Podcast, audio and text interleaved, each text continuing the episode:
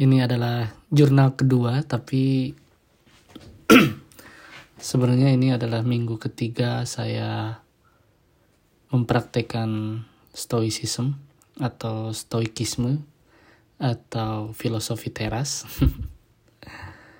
minggu kemarin saya tidak membuat jurnal audio tapi uh,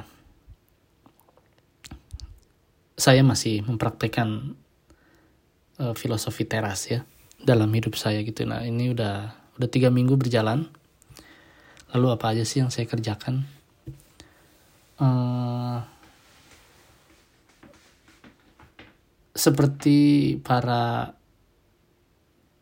uh, apa penyebar atau yang mengikuti atau yang mempraktekkan stoicisme sebelumnya seperti ya Marcus Aurelius, Seneca, terus Epictetus, uh, Zeno mereka menulis jurnal harian mereka yang kita tahu jurnal harian mereka masih abadi sampai sekarang dan dipakai uh, sebagai buku reference untuk mempraktekkan stoicisme gitu ya.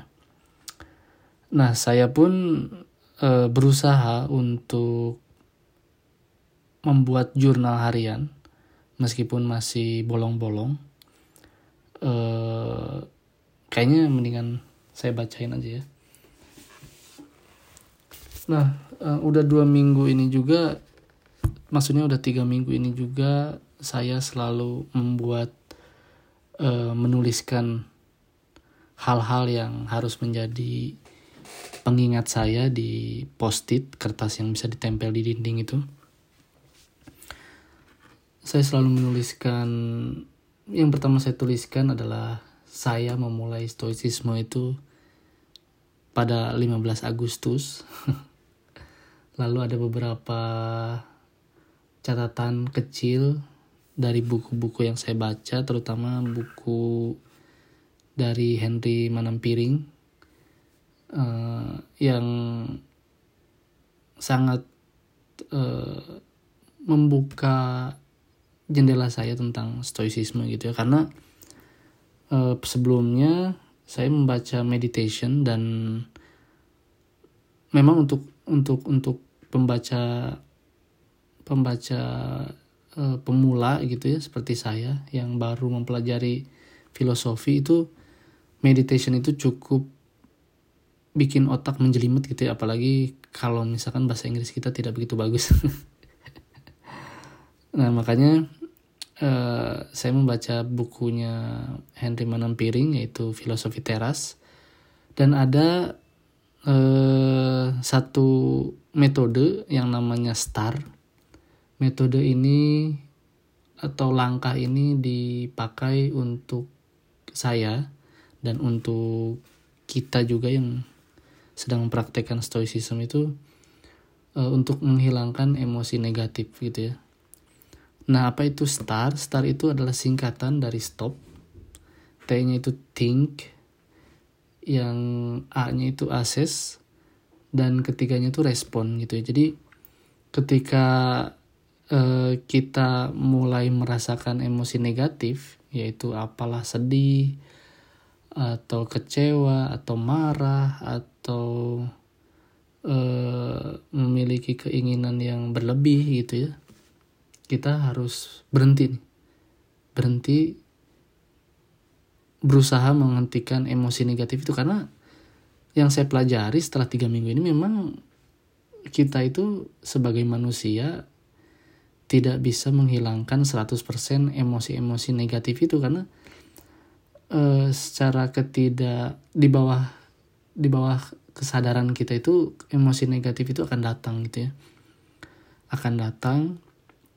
Makanya di start ini kita harus berusaha menghentikan gitu ya.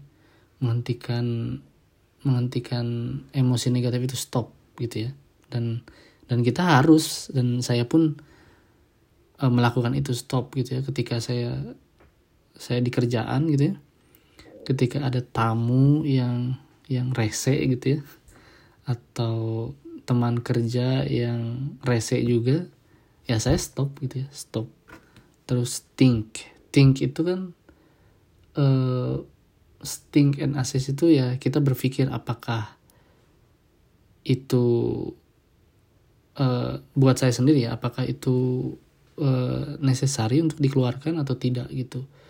Dan uh, apakah itu bagus atau tidak gitu emosi itu dikeluarkan apakah akan membuat kita lebih lebih lebih baik apa tidak gitu.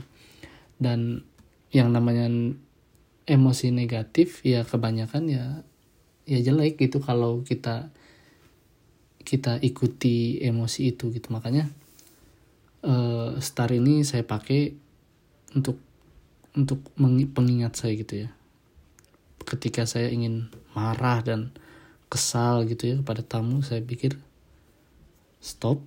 Terus saya pikirkan ah udahlah nggak usah diterusin gitu. Dan responnya gimana ya? Responnya ya kita terima gitu. Terima karena uh, segala sesuatu yang kita terima itu amarah atau uh, sikap orang terhadap kita ya bukan bukan bukan berada dalam kontrol kita gitu. Yang yang kita kan yang kita tuh saya itu belajar stoicism ya untuk mengontrol diri saya agar tidak tidak gampang marah untuk lebih sabar untuk lebih melihat segala sesuatunya dengan jelas gitu ya. Makanya ya star ini selalu saya pakai dalam sudah dalam waktu ya kurang lebih dua minggu lah karena saya uh, memulai stoicism 16 Agustus terus saya mulai membaca buku filosofi teras dan saya mulai menemukan metode itu gitu ya. Nah lalu dalam catatan di dinding saya saya menulis uh, menulis kata-katanya Epictetus yaitu if you want to improve be content to be thoughtfully and stupid gitu ya. Kenapa kata-kata ini saya pilih karena saya merasa dulu itu saya merasa saya ini orang pintar, saya ini orang yang segala tahu orang ini saya ini orang yang lebih baik daripada orang-orang yang berada di sekitar saya dan dan itu membuat saya sombong, angkuh dan semua emosi negatif saya ya keluar gitu ya.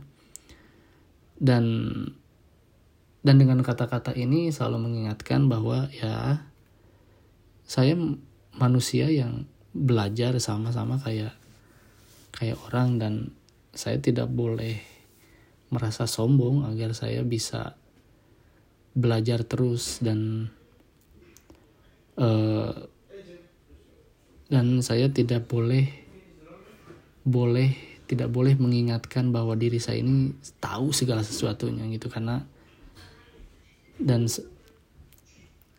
saya harus mengingatkan diri saya masih banyak hal yang harus saya pelajari gitu ya.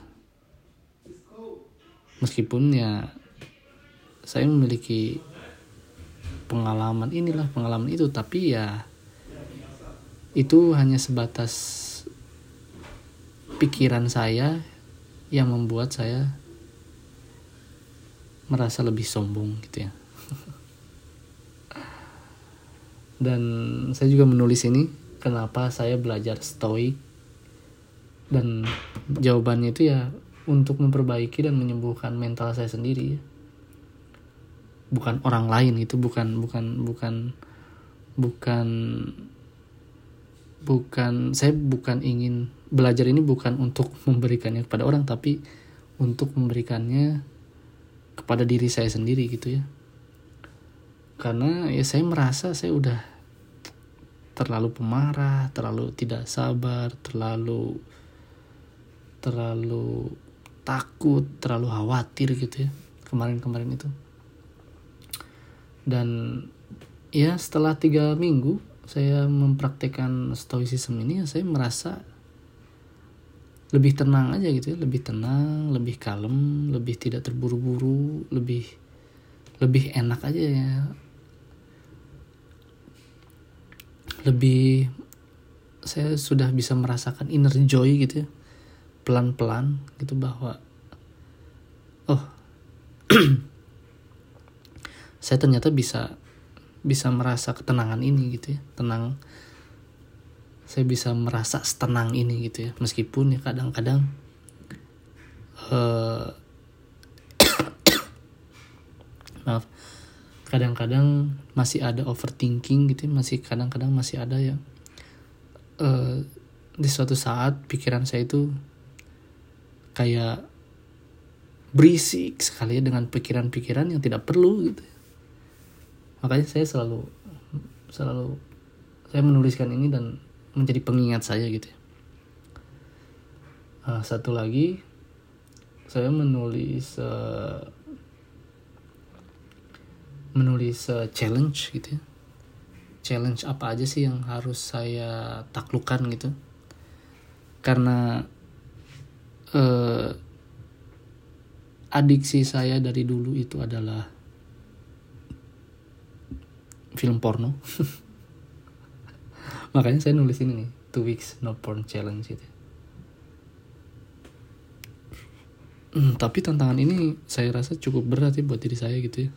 Saya nggak bisa drastis tiba-tiba hilang gitu ya. Tidak menikmatinya secara langsung gitu ya.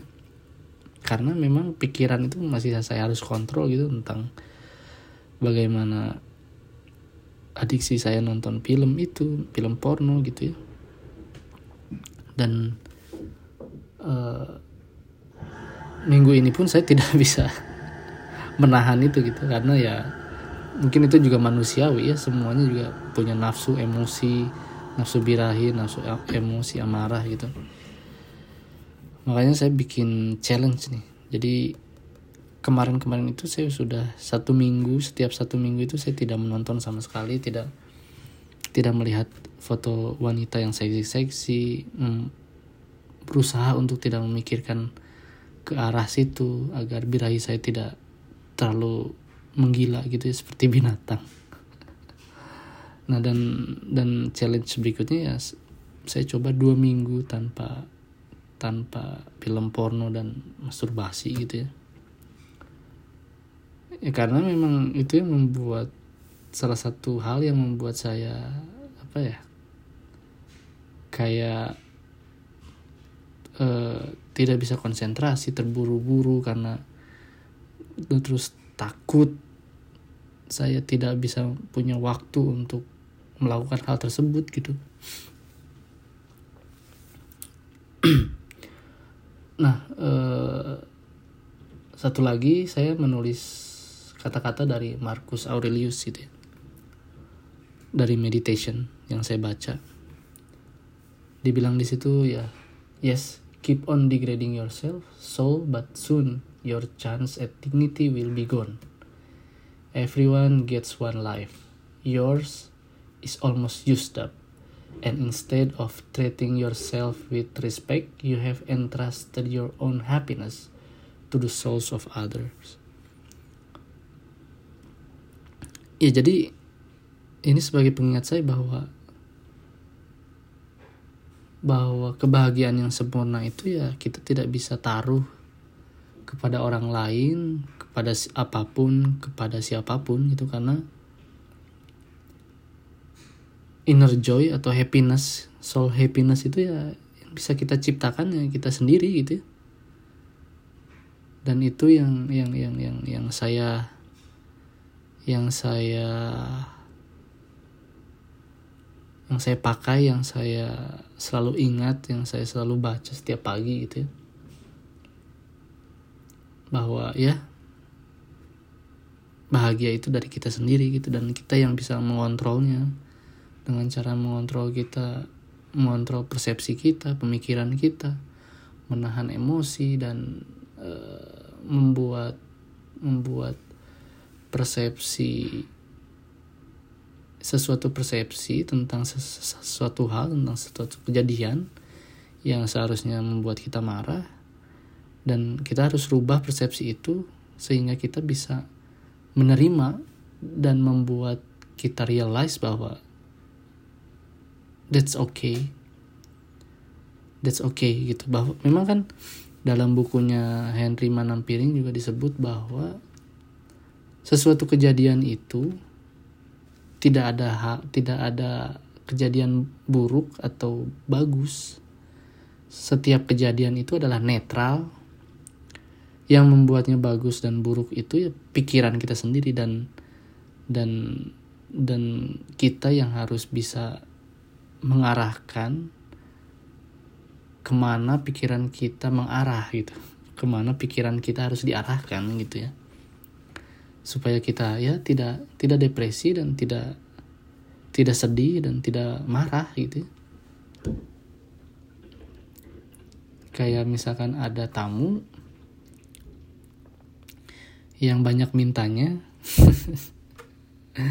lalu tidak memberi tip yang yang yang cukup reasonable gitu ya dan dan biasanya saya mengeluh dan dan menggerutu gitu ya dan merasa kecewa gitu dan selalu merasakan apa yang kurang saya lakukan gitu. Tapi kan kembali lagi gitu ya tip terus sifat manusia itu bukan kontrol kita gitu. Berapa uang tip yang mereka mau kasih itu bukan bukan berada di kontrol kita gitu. Yang bisa kita kontrol itu ya memberikan mereka servis yang baik dan memenuhi kebutuhan mereka pada saat mereka ada di meja dan di restoran yang kita kerjakan gitu maksudnya yang di tempat kita bekerja gitu. Dan sepenuhnya that's it gitu ya. Saya harus bahagia karena saya sudah sudah melakukan apa yang harus saya kerjakan gitu ya. Yaitu ya memberi memberi memberikan servis terbaik saya kepada dia gitu ya kepada tamu itu. Karena memang pekerjaan saya itu saja. Selebihnya bahwa tamu itu tamu itu uh, kayak rese atau tidak memberi tip yang baik ya bukan di dalam kontrol saya gitu ya. Bukan dalam kontrol saya dan saya harus menerimanya gitu ya. Karena itu bukan dalam kontrol saya dan bukan dalam kontrol kita gitu ya. Begitu nah itulah kenapa saya selalu mengingat dan membaca kata-kata Marcus Aurelius itu ya. Satu lagi ini juga pengingat hang in there ini juga pengingat dari bukunya filosofi teras gitu ya Henry Manampiring maaf nih kalau saya salah menyebutkan namanya kalau nggak salah memang Henry Manampiring gitu ya bukunya filosofi teras. Uh, hang in there kenapa saya menuliskan itu ya karena memang mengontrol atau mengalahkan diri sendiri itu cukup berat dan cukup sulit gitu ya. Dan saya sudah mem membuat apa ya? Membuat janji juga bahwa saya harus menaklukkan diri saya sendiri gitu dengan apa ya dengan ajaran stoicisme ini kalau saya tidak bisa tidak bisa uh, mengontrol apa yang bisa saya kontrol ya saya kalah gitu ya. Ya saya kalah sebagai manusia gitu ya. Makanya yang namanya perjuangan itu kan selalu berat ya selalu berat. Makanya makanya saya nulis hang in there gitu karena memang perjuangan ini berat gitu ya. Tidak ada yang mudah. Kan ada peribahasa adalah musuh yang terbesar itu adalah dirimu sendiri gitu ya. Dan memang benar setelah setelah saya setelah saya uh, mem mempraktekkan stoicisme ini memang memang berat gitu ya. Tapi stoicisme ini mempunyai mempunyai landasan yang yang yang yang jelas gitu ya bahwa segala sesuatu eh maksudnya ada dua hal gitu ya ada dua hal yang yang ada dua hal di dunia ini. Hal yang pertama itu adalah hal yang tidak bisa dikontrol oleh dirimu sendiri yaitu manusia uh, materi uang nasib karir gitu ya dan ada satu hal yang uh, bisa dikontrol sama kita gitu. Yaitu tentang tentang ya yang ada di nalar kita gitu ya. Tentang uh, opini tentang kesabaran tentang tentang apa mindset gitu ya. Yang yang yang bisa kita yang bisa kita kontrol gitu ya. Yang bisa kita kontrol dan bisa kita ya rubah ya mungkin ya rubah gitu. Jadi yang namanya perjuangan untuk memperbaiki diri sendiri itu kan susah gitu. Makanya uh, saya menulis ini hang in there gitu ya, bahwa ya untuk mengingat memotivasi diri saya sendiri bahwa ya kamu sedang sedang berjuang untuk mencapai mencapai kebahagiaan dalam diri kamu gitu ya. Dan itu tidak sulit gitu dan satu lagi uh, ini juga pengingat untuk saya sendiri bahwa saya harus mencintai masa lalu gitu ya. Karena dalam bukunya Henry Manampiring juga menjelaskan bahwa uh, semesta ini adalah interconnectedness gitu ya bahwa saya sekarang dalam posisi ini ya karena memang sudah terkoneksi oleh alam semesta secara demikian rupa gitu ya sehingga saya berada di sini sekarang gitu. Dan masa lalu itu ya dalam stoicisme sudah mati dan tidak perlu diingat lagi dan dan ya sudah tidak harus disesali apa yang ada di masa lampau gitu. Ya kita hidup untuk di masa ini saja dan masa depan pun kan sebuah misteri yang bukan dalam kontrol kita gitu nah eh, setelah itu saya menuliskan kontrol semua keinginan Kenapa saya menuliskan ini? Karena saya ini juga jadi pengingat untuk diri saya bahwa keinginan-keinginan sekecil apa pun itu ya harus dikontrol dan dan dan keinginan bagi saya itu ya emosi negatif dan makanya harus saya harus kembali lagi untuk untuk melakukan metode STAR gitu ya. Stop, thinking, assess, dan respon gitu ya. uh, saya memberi prioritas uh, keinginan saya uh, misalkan keinginan untuk membeli nah untuk membelinya itu membeli sesuatu itu boleh beli sesuatu boleh mengeluarkan uang tapi prioritasnya adalah groceries atau kebutuhan sehari-hari saya gitu ya buat makanan terus hmm, sabun mandi kebutuhan mandi gitu dan segala macam dan saya tidak memberikan prioritas untuk hal-hal di luar itu gitu dan itu dua prioritas saya. Eh tadi kan saya bilang grocery uh, ya seperti itu. Terus buku ya. Saya nggak tahu tadi saya sebut buku apa buku gitu ya. Nah itu buku uh, saya harus memprioritaskan itu karena saya harus belajar banyak sekali tentang tentang hal-hal yang tidak saya ketahui gitu ya. Terlebih untuk develop myself untuk menyempurnakan uh, diri saya selain buku-buku stoicisme juga saya membaca membaca uh, Rich Dad Poor Dad yang tidak pernah saya selesai membacanya gitu ya. Dan ya di luar hal itu buku sama groceries itu ya saya tidak memberi satu kesempatan apa pun untuk mengeluarkan uang terutama untuk diri saya. Tapi ya saya masih mengeluarkan uang untuk untuk istri anak saya gitu ya, dan untuk keluarga yang yang meminta pertolongan saya gitu terus setelah ya itu jadi keinginan saya ya semuanya saya batasi gitu ya. Keinginan untuk makan keinginan untuk membeli baju membeli sesuatu. Dan biasanya saya seminggu itu saya selalu mengeluarkan uang untuk membeli sesuatu yang benar-benar tidak perlu gitu ya. saya kemarin habis 800 eh, dolar beli uh, GoPro sama uh, apa namanya Final Cut Pro. Gila nggak tuh dan setelah membeli itu tuh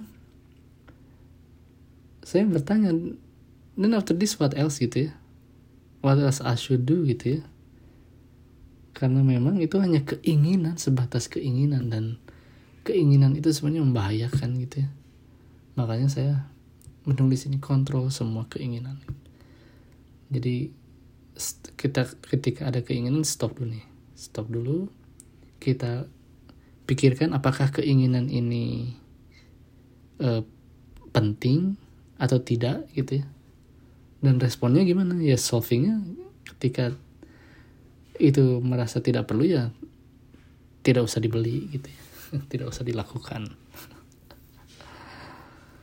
Ya gitu ya kontrol semua keinginan. Karena memang keinginan keinginan inilah yang saya rasa membuat kita semakin semakin depresi ya semakin kecewa gitu. Kayak ketika keinginan kita tidak terpenuhi kan kita merasa kecewa ya.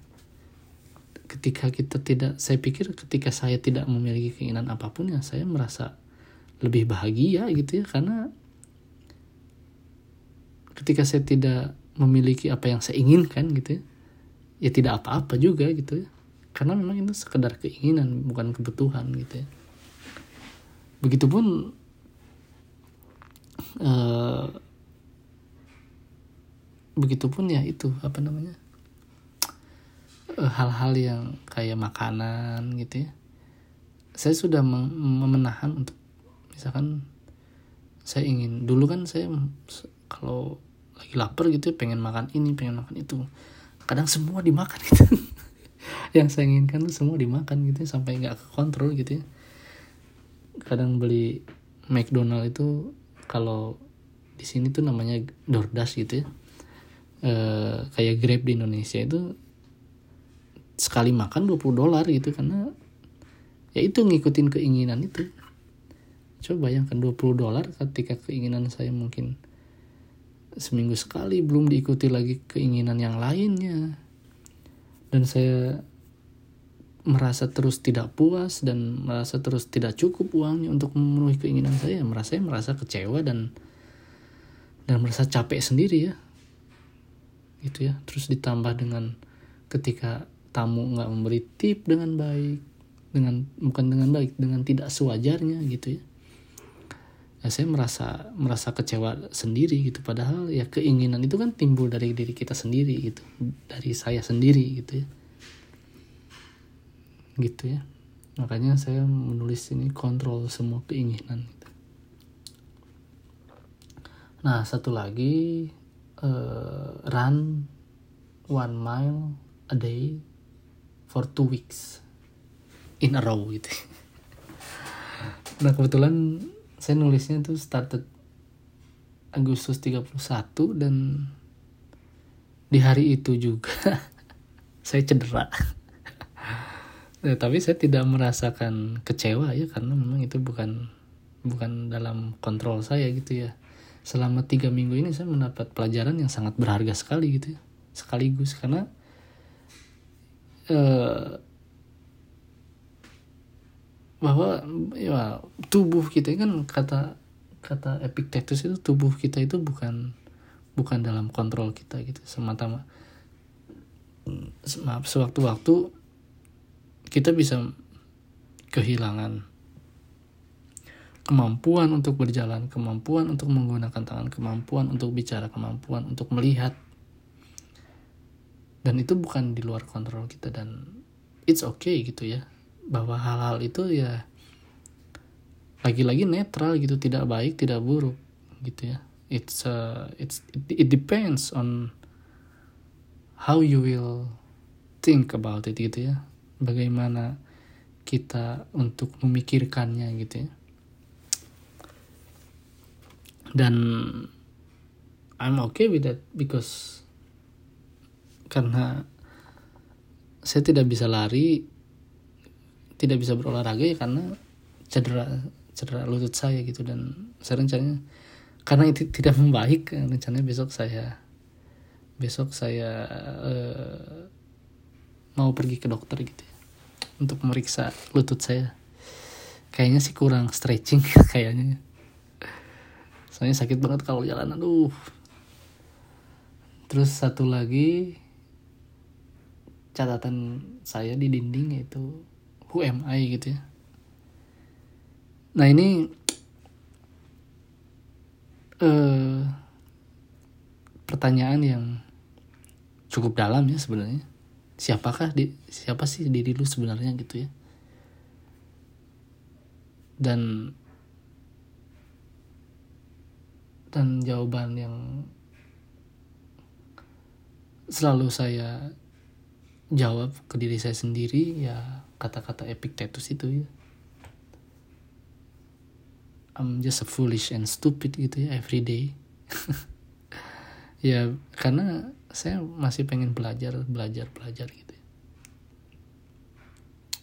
I'm foolish gitu ya. I'm a stupid. Nah ini yang terakhir di dinding saya. The last the least but the last but not the least. Eh gimana sih? Ya gitulah. Uh, intermittent fasting ya. Jadi mulai hari ini tuh saya mempraktekkan intermittent fasting which is uh, eh, 8 jam saya boleh makan dan selebihnya saya tidak tidak akan makan. Bukan tidak boleh ya karena itu memang memang latihan buat diri saya sendiri gitu ya. Karena ketika kamu lapar ya memang emosi dan segala sesuatu itu cukup sulit untuk dikontrol ya. Jadi saya menambahkan exercise itu ya dalam diri saya gitu intermittent fasting. Jadi eh, kenapa saya milih jam ini dari jam 6 sampai jam 2 karena ketika saya tidak sarapan saya tidak bisa bekerja gitu ya. Makanya eh, karena saya jam kerja saya itu dari jam 11 siang sampai jam 9 malam gitu ya. Uh, tanpa break ya saya bisa duduk segala macem bisa santai relax kalau nggak ada tamu gitu ya. Kalau nggak ada customer di restoran. Uh, makanya tapi terus terang it's bit difficult if I choose like having only dinner but the rest of the day I don't eat much gitu ya. I mean I don't eat at all. It's gonna be difficult for me.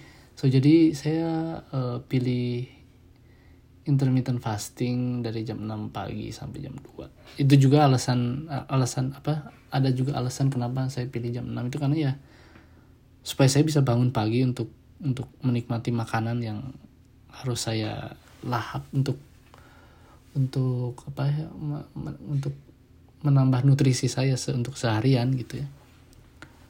Terus uh, apa aja sih yang saya makan gitu ya?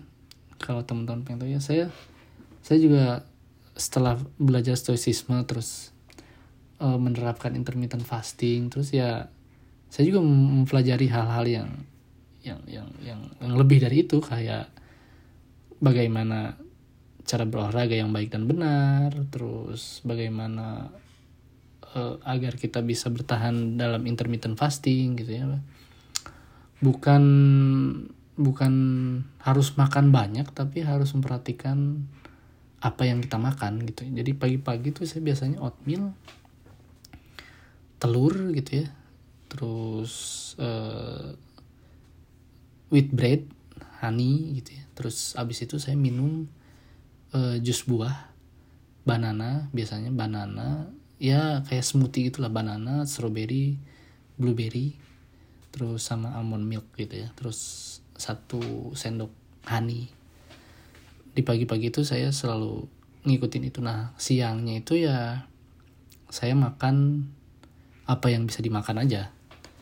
Karena kan pagi-paginya saya pikir sih udah cukup ya segitu ya. Kayak fibernya udah ada dari oatmeal gitu ya.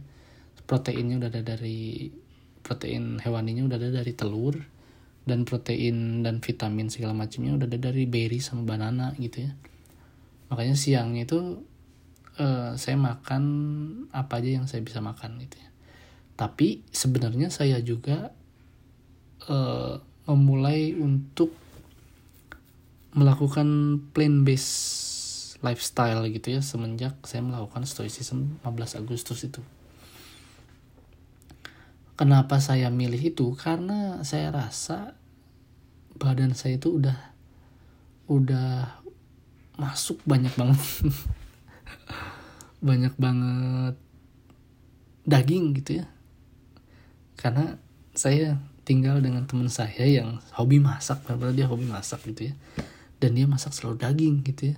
Bukannya saya tidak mau berterima kasih tapi kan ya kekuatan tubuh orang itu kan masing-masing berbeda gitu ya. Dan saya mendengar banyak berita buruk dari teman-teman saya yang sakit karena kurang minum lah banyak makan daging lah kolesterol tinggi lah. Makanya saya tidak mau gitu ya.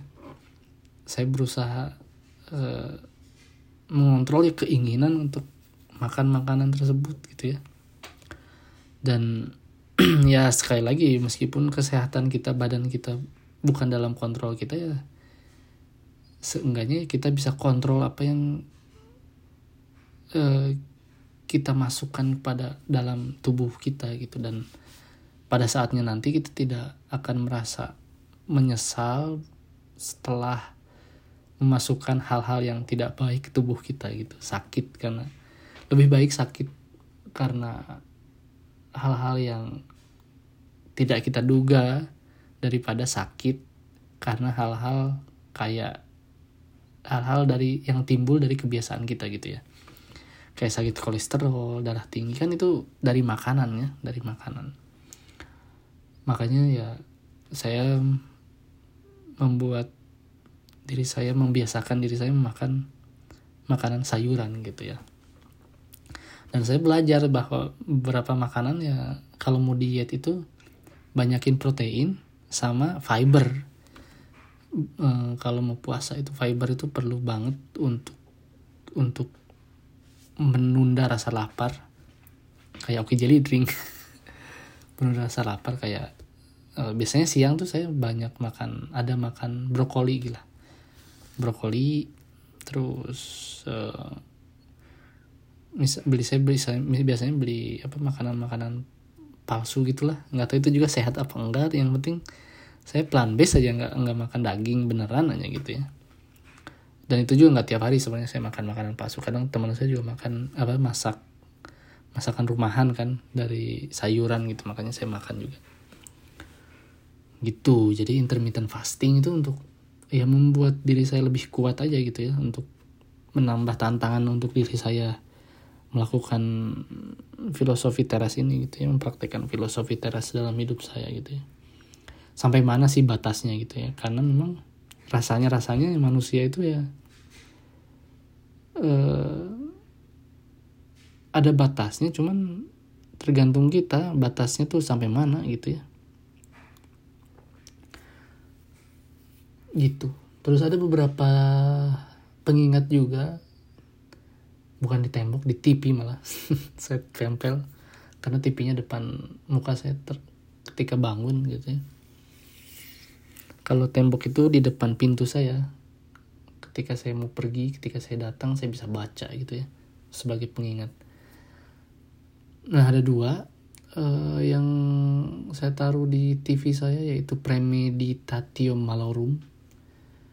Uh, singkatnya itu ya bagi teman-teman yang belajar stoicism juga pasti udah tahu bahwa ini tuh adalah meditasi setiap pagi memikirkan hal-hal yang buruk akan terjadi dalam hari kamu gitu hari saya. Saya selalu memikirkan apa nih yang terburuk ya.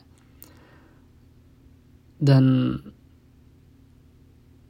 dan pemikiran ini bukan untuk menghilangkan motivasi tapi untuk memikirkan lebih awal bagaimana cara menyelesaikan masalah ini gitu ya. Bagaimana kita harus merespon masalah ini. Bagaimana kita harus uh, memberikan bagaimana kita harus uh, harus uh, tidak mengeluarkan emosi negatif kita untuk masalah ini gitu. Bagaimana cara kita berpikir tentang hal-hal yang kita sudah pikirkan di awal hari gitu ya. Jadi meditasi uh, apa saya lupa bahasa Inggrisnya. Tapi intinya seperti itulah. Kita kita uh, harus memikirkan hal-hal yang buruk yang akan ter apa saja apa sih hal-hal buruk yang akan terjadi dalam diri kita dalam hari kita gitu. Dan bagaimana cara kita merespon hal-hal buruk itu. Apakah kita mau marah? Tentu tidak dong. Karena uh, tujuan kita mempraktekkan stoicisme ya untuk tidak uh, memberikan space untuk emosi negatif kita gitu. Makanya uh, kebanyakan orang kan kita bilang harus positive thinking ya.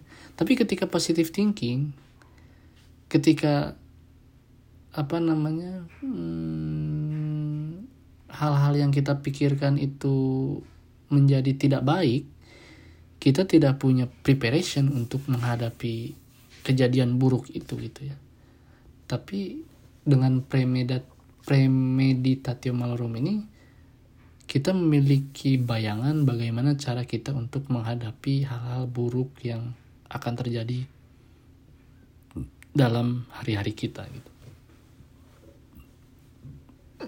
Aduh, maaf. Nah, eh, yang kedua eh, catatan why I read books gitu ya. Ini saya dapetin dari bukunya uh, siapa bukunya um, Ryan Holiday yang judulnya The Daily Stoic gitu ya Why I read book bacanya because I'm learning how to live gitu ya. Saya setuju banget dengan kata-kata itu karena memang mungkin teman-teman juga yang dengar ini gitu ya kalau ada pernah mendengar bahwa buku itu adalah jendela dunia kan ya memang saya sangat setuju dari dulu memang buku itu dari jendela dari jendelanya dunia gitu. Karena dalam buku itu kita bisa tahu gitu ya segala hal yang ingin kita tahu gitu ya. Tapi dari dulu saya tidak pernah mempraktekannya gitu makanya mulailah dari sekarang. Uh, saya harus membaca buku yang minimal sehari itu satu jam. Saya membeli saya mulai membeli buku fisik ya tentang stoic stoicism. Terus saya sedang membaca buku Rich Dad Poor Dad. Dan sejauh ini saya setelah menyelesaikan buku filosofi teras gitu ya. Itu adalah uh, kayak filosofi teras itu bagus sekali untuk teman-teman yang ingin belajar stoicism menurut saya ya. karena memberikan bayangan apa aja sih yang harus dilakukan dan buku-buku apa saja yang harus di, dibaca terus kita pelajari dan terutama ya harus dipraktekkan gitu. Saya sudah ini uh, selesai membacanya dan apa namanya uh, biasanya kan kalau di kerjaan itu kalau nggak ada customer kita ngobrol gitu ya, ngobrol nonton YouTube segala macam nah sekarang ya saya uh, mulai membiasakan diri ketika tidak ada kerjaan gitu ya. Saya baca buku gitu. Jadi saya membeli buku dua beli buku fisik sama membeli buku ebook gitu ya. Ebook uh, di handphone saya. Jadi saya bisa membaca buku di mana aja ketika saya tidak ada kerjaan gitu ya dan dan itu sebisa mungkin harus harus harus harus saya baca gitu harus saya baca dan harus saya mengerti gitu ya. untuk teman-teman yang uh, baru baca juga saya pikir tidak tidak tidak masalah gitu ya. saya juga merasakan kadang boring gitu ya baca buku gitu ya sehingga yang apa saya apa yang saya baca itu tidak nempel dan uh, ya nggak apa-apa berhenti aja dulu berhenti dulu ngelakuin hal yang lain terus ketika kita ada mood lagi baca lagi gitu ya. Jangan sampai kita menyelesaikan buku itu uh, nggak nggak nggak nempel sama sekali dalam dalam otak kita gitu ya. Dan saya juga uh, kadang saya punya tiga buku gitu kadang satu buku udah boring saya pindah lagi buku ini terus pindah lagi buku ini terus balik lagi ke buku ini. Karena memang kan bahasannya beda-beda ya gitu ya. Tapi ya saya uh, berusaha untuk mencapai goal itu ya. Jadi dua jam sehari gitu ya. Kadang saya baca terus terus menerus di kerjaan juga ada sejam lah gitu lah. Ya misalkan 5 menit baca ngelakuin yang lain 5 menit lagi baca gitu. Ada sejam. Dan nyampe rumah atau pagi-pagi saya baca juga. Baca juga se sehalaman dua halaman itu yang penting kita baca gitu ya. Ada sesuatu hal yang kita pelajari dan kita mengerti gitu ya dan kita resapi gitu. Tidak perlu banyak-banyak. Gitu. dan uh, buku yang sekarang saya baca itu ya The Daily Stoic gitu ya. Nah jadi buku ini bagus karena uh, karena kan yang tadi saya bilang ya filosofi itu cukup jelimet kata-katanya gitu ya. Cukup jelimet terus tapi di Daily Stoic ini si Ryan Holiday ini memberikan penjelasan lebih mendalam. Apa sih yang harusnya kita mengerti gitu? Apa yang harus apa yang uh, apa sih si misalkan apa sih yang maksud dari Marcus Aurelius ini menulis ini gitu? Si Ryan Holiday ini mentranslatekannya istilahnya apa ya? Mentafsirkannya gitu ya memberi contoh apa sih yang harus kita pikirkan gitu apa yang harus kita lakukan. Gitu. Eh mungkin gitu aja dulu ya. Uh, jurnal yang kedua di minggu ketiga sebenarnya. Harusnya jurnal ketiga cuman minggu kemarin saya miss. Saya miss uh, minggu depan mungkin saya bakal harus ya harus. Tapi saya setiap hari menulis jurnal tadinya saya mau bacain jurnal apa saja yang saya baca yang tulis di di jurnal buku jurnal saya tapi mungkin minggu depan lah ya. Minggu depan saya uh, berbicara apa yang telah saya capai atau telah saya lakukan atau apa yang kekurangan saya dalam satu minggu ini. Uh, ya semoga ada juga teman-teman yang yang sedang belajar stoicism mendengarkan saya jadi serasa ada teman. Karena saya nggak ada teman sama sekali gitu nggak ada nggak ada nggak ada nggak ada guru yang bisa saya ajak obrol ngajak ngobrol gitu ya. Yang yang sekarang yang saya pelajari dari buku-buku aja gitu. Jadi biasanya saya matiin lampu saya nyalain buku apa lampu baca gitu ya. Dan itu enak banget gitu ya. dan udah tiga minggu ini saya tidak merasa ya saya masih lah nonton sekali-kali gitu ya. Karena memang hiburan atau hobi itu penting bagi bagi kita bagi nutrisi kita juga gitu untuk refreshing gitu ya. Dan dalam stoicisme ya nggak apa-apa juga gitu. Tapi harus uh, saya sendiri sih harus saya saya membuat goals sendiri untuk untuk diri saya sendiri gitu. Seperti membaca tidak banyak menonton TV gitu ya. Karena memang kadang juga nonton film gitu ya nonton YouTube tuh adiksi banget ya jadi apalagi mungkin TikTok ya dulu ya kadang nggak kerasa gitu udah satu jam dua jam hilang gitu tapi kita nggak merasa dapat apa-apa gitu terutama saya gitu saya nggak nggak dapat apa-apa gitu ya dari nonton filmnya cuma nonton film ya udah di that's it gitu.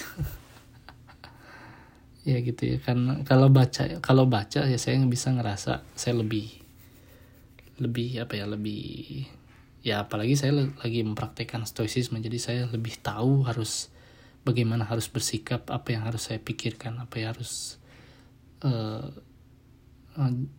apa value judgment apa yang harus saya berikan pada sesuatu hal yang yang buruk dalam hidup saya gitu ya.